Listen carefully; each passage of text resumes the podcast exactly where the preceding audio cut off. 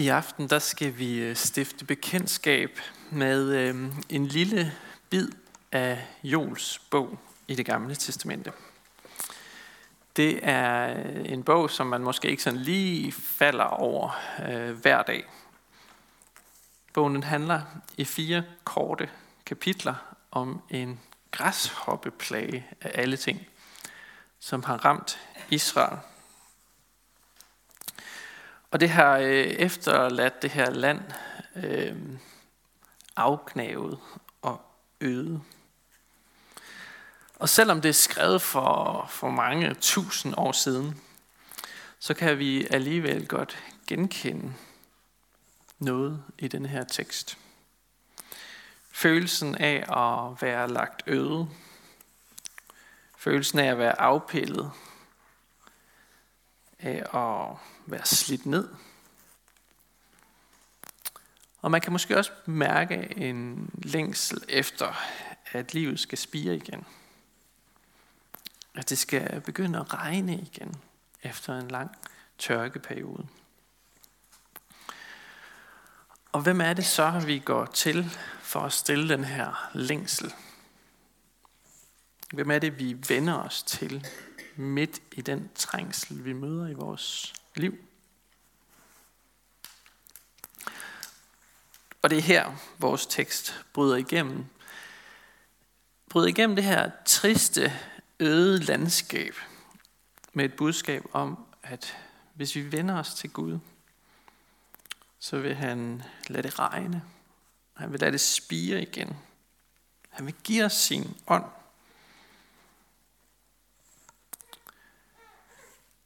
Og han vil en dag bryde ind i den her verden på en ny måde og udgyde sin ånd over os. En hver, der påkalder sig Herrens navn, skal frelse. Sådan står der i den tekst, vi nu skal lytte til. Det skal ske derefter. At jeg vil udgyde min ånd over alle mennesker. Jeres sønner og døtre skal profetere. Jeres gamle skal have drømme. Jeres unge skal se syner. Selv over jeres trælle og trælkvinder vil jeg udgyde min ånd i de dage. Jeg sætter tegn på himlen og på jorden, blod og ild og røgsøjler. Solen forvandles til mørke og månen til blod, før Herrens store og frygtelige dag kommer. Og enhver, som påkalder Herrens navn, skal frelses. For, for på Sions bjerg og i Jerusalem skal der være redning, som Herren har sagt, for de undslupne, som Herren kalder på. Det er Guds ord til os i dag. Far, jeg beder dig om, at du må lade sløret falde fra vores øjne, så vi ser mere af, hvem du er. Amen. For to år siden, øh, der øh, oplevede Østafrika den værste græshoppeplage, man havde oplevet i årtier. Øh, man kaldte det en plage af bibelske dimensioner, og øh, man har jo nok tænkt på, øh, på historien i anden Mosebog, hvor Gud han sender græshoppeplagen over Ægypten. Men det er, der, det er bare lidt svært for os danskere at forholde os til sådan et billede. Hvordan kan et lille insekt gøre så stor skade? Det er jo ikke ret stort. Enkeltvis er det ufarligt. Men i kæmpe, kæmpe store sværme, der kan sådan en, et skadedyr gøre og forvolde rigtig meget skade. For de spiser alt, hvad der er grønt blade på træerne, kornet på marken, vinstokken på, i vingården. Og det kan efterlade sådan en, en mark, hvor græshopperne har været helt bar og tom og øde og gold. Og Jules bog beskriver sådan et land, som har ødelagte vinstokke, knækkede fintræer. Han skriver, selv barken er blevet gnavet af de her træer. Der er ikke engang mad til, at de kan lave et lille offer, som de kunne bringe ind i templet. Så alt er virkelig bare blevet ribbet og spist. Og der står rent faktisk, at den, den her græshoppeplage, den udfører Herrens befaling. Den er altså på en eller anden måde styret af Gud for at sende et budskab. For folket havde nemlig vendt deres hjerter væk fra Gud og fyldt deres liv med alt muligt andet end Guds ord.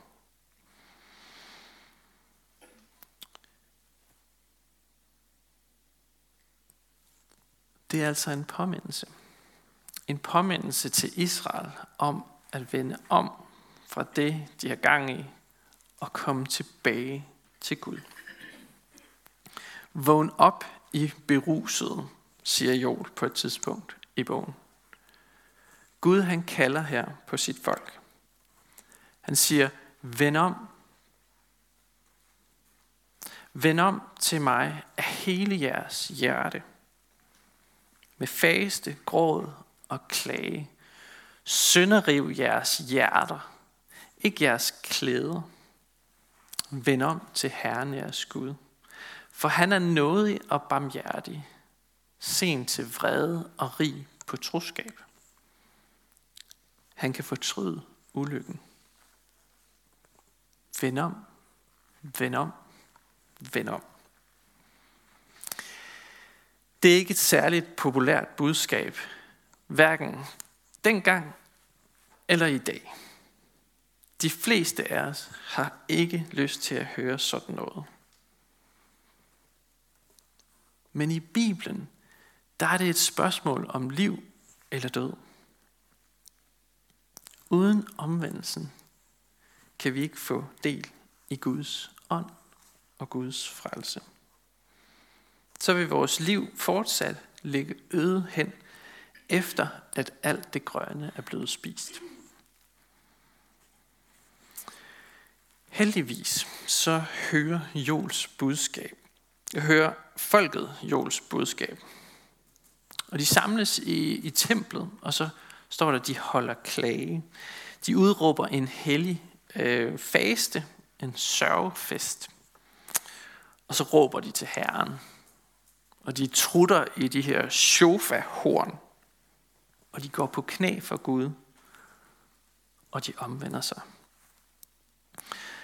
Så de går fra at gå i en retning, væk fra Gud, og så vender de sig 180 grader for at gå hen imod Gud. Det er ligesom- det, er det omvendelse, tanken er.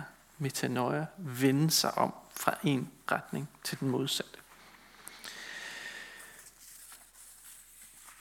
Og det gør de både i tanke, ord og handling.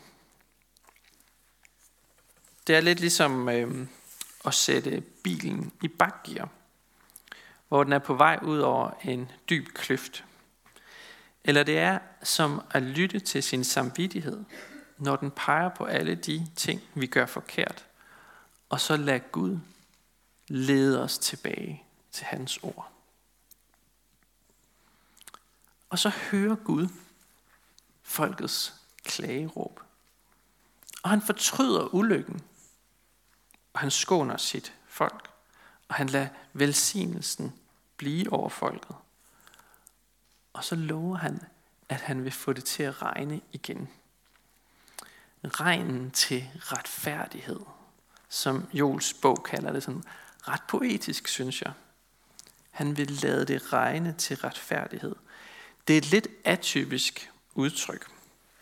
Retfærdighed er normalt noget, man gør sig fortjent til.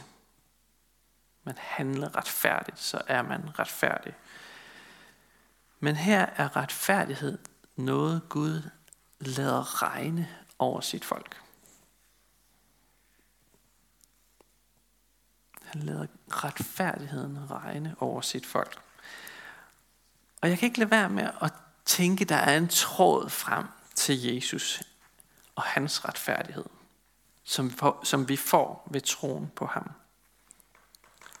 Han levede det retfærdige menneskeliv, som, som vi ikke formåede. Og på korset, der blev den retfærdighed ligesom overført til os, fordi han tog vores plads, så vi er tilregnet retfærdige. Vi har en retfærdighed, som ikke bygger på noget, som vi har gjort, men som alene bygger på noget, som Jesus har gjort for os alle. Regnen til retfærdighed. Jeg kan godt lide det udtryk. Og der hvor Guds retfærdighed er, der er Guds ånd også. De to er tæt knyttet i Bibelen, også i Jols bog. Og det er her, vi hører den her smukke profeti om åndsudgydelsen. At en dag, så skal Guds ånd udgydes over alle mennesker. Der hvor Guds retfærdighed vinder frem ved tro i menneskers hjerter, der skal ånden komme. Og på den her tid, der havde Guds ånd ikke været sådan noget al- almindeligt, noget almen tilgængeligt. Det var noget, som kun få enkelte personer havde oplevet. For eksempel Israels konger og profeter. Nogle få af dem. Et par eksempler, det er for eksempel Moses og Josua, øh, kong David, Samuel. Der står, at ånden kom over dem. Men det var enkelstående begivenheder, det var, det var enkelte personer, det var ikke bredt ud for alle troende. Men her i Jols bog, så får vi en profeti om, at der skal komme en ny tid. En tid, hvor Guds ånd skal fylde alle troende mennesker. Det skal være en tid, hvor det øh, ikke er ualmindeligt, at almindelige mennesker får en drøm fra Gud, eller en profeti, eller et syn fra Gud. Vi har faktisk eksempler på alle de her tre ting i det nye testamente. For at nævne en fra hver. Josef, han får en drøm fra Gud om at gifte sig med Marie, da han troede, han ellers skulle skilles fra hende. Johannes, han får en profetisk åbenbaring af fremtiden. Og Paulus, han får et syn af Jesus på vejen til Damaskus. Den her ånds udgydelse, den indvarsler en ny tid. Endetiden kunne den kaldes, eller kirkens tid kunne den også kaldes, som er kendetegnet i hele det nye testamente af en forventning om, at Jesus snart kommer igen. Der skal ske tegn på himlen, som vi læser her i Jols bog, og så skal Herrens store dag komme. Det er altså den tid i frelseshistorien, som, som vi har fået lov til at være en del af og opleve. Og det vidste, øhm, det vidste apostlen Peter godt.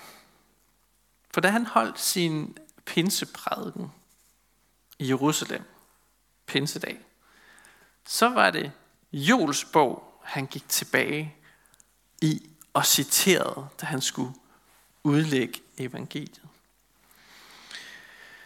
Altså den tekst, som vi lige har læst. Pinsedag, det var der, hvor helgeren kom over disciplene, og de begyndte at tale på fremmede tungemål.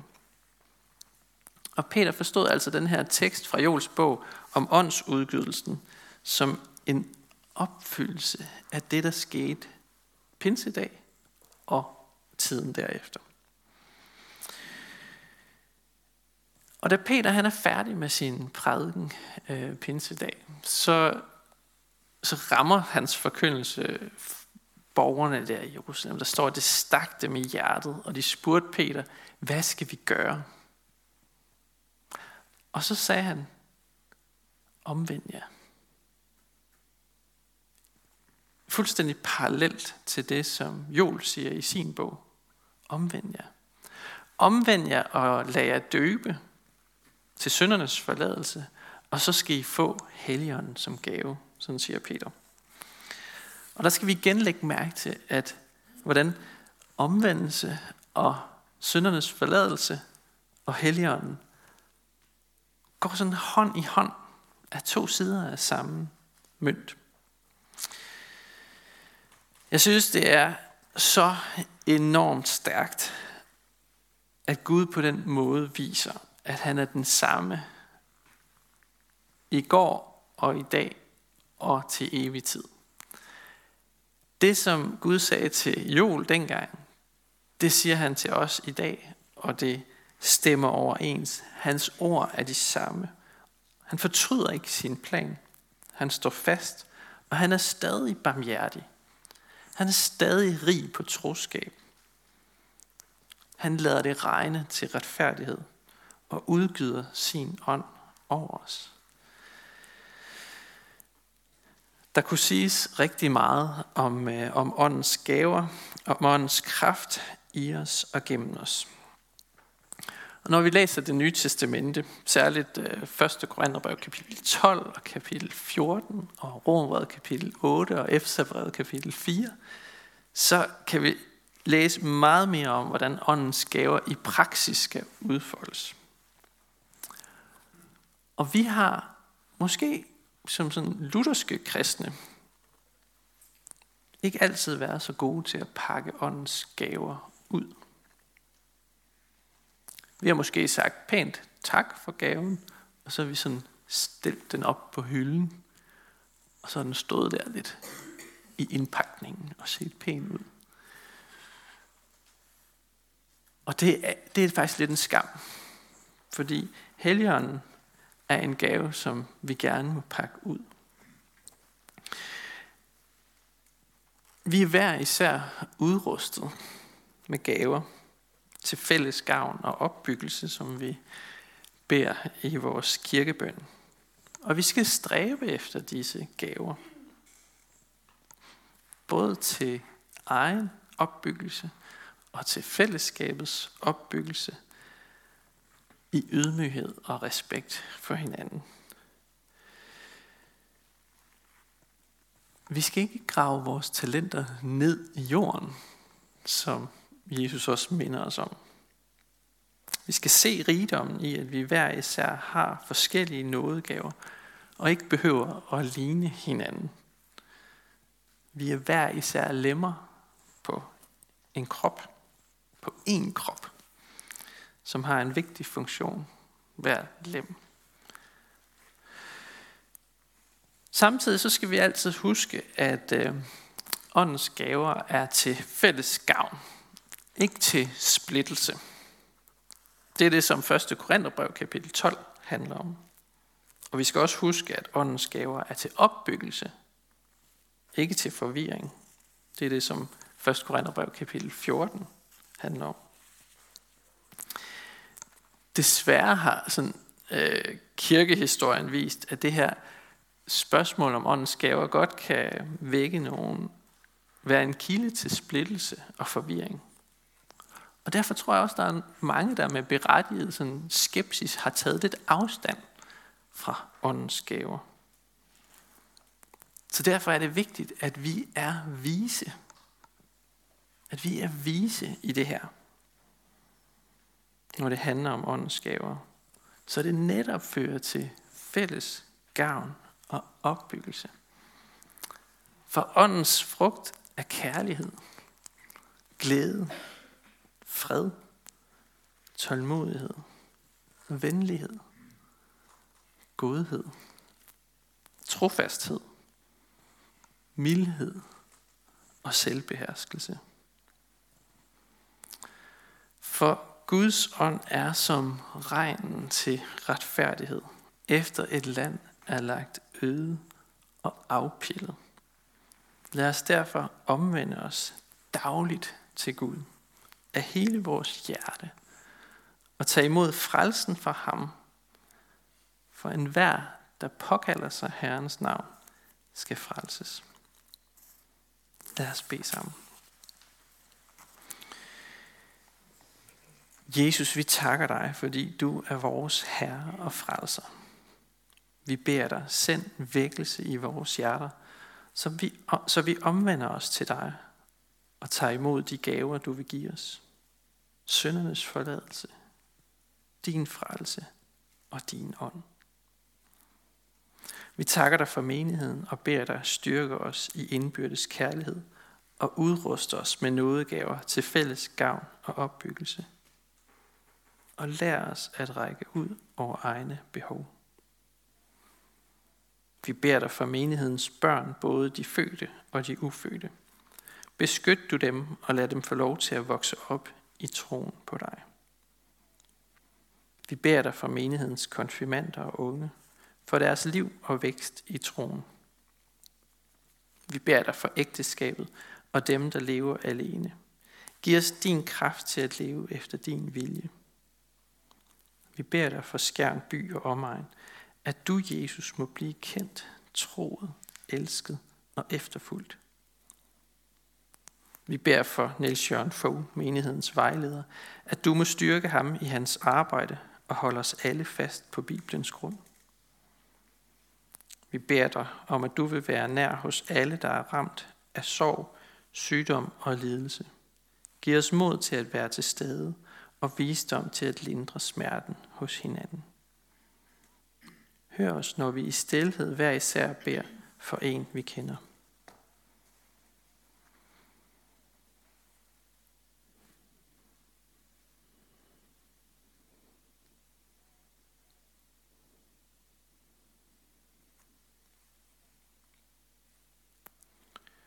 Vi beder også for din kirke. Lad budskabet om dig, Jesus, spredes over hele jorden og styrk dem, som forfølges for dit navns skyld. Vi beder for vores folk, for alle, der er blevet betroet magt og autoritet. Hjælp dem og os til at værne hinanden mod uret og vold. Og kom så snart, Jesus, og gør alting nyt. Amen.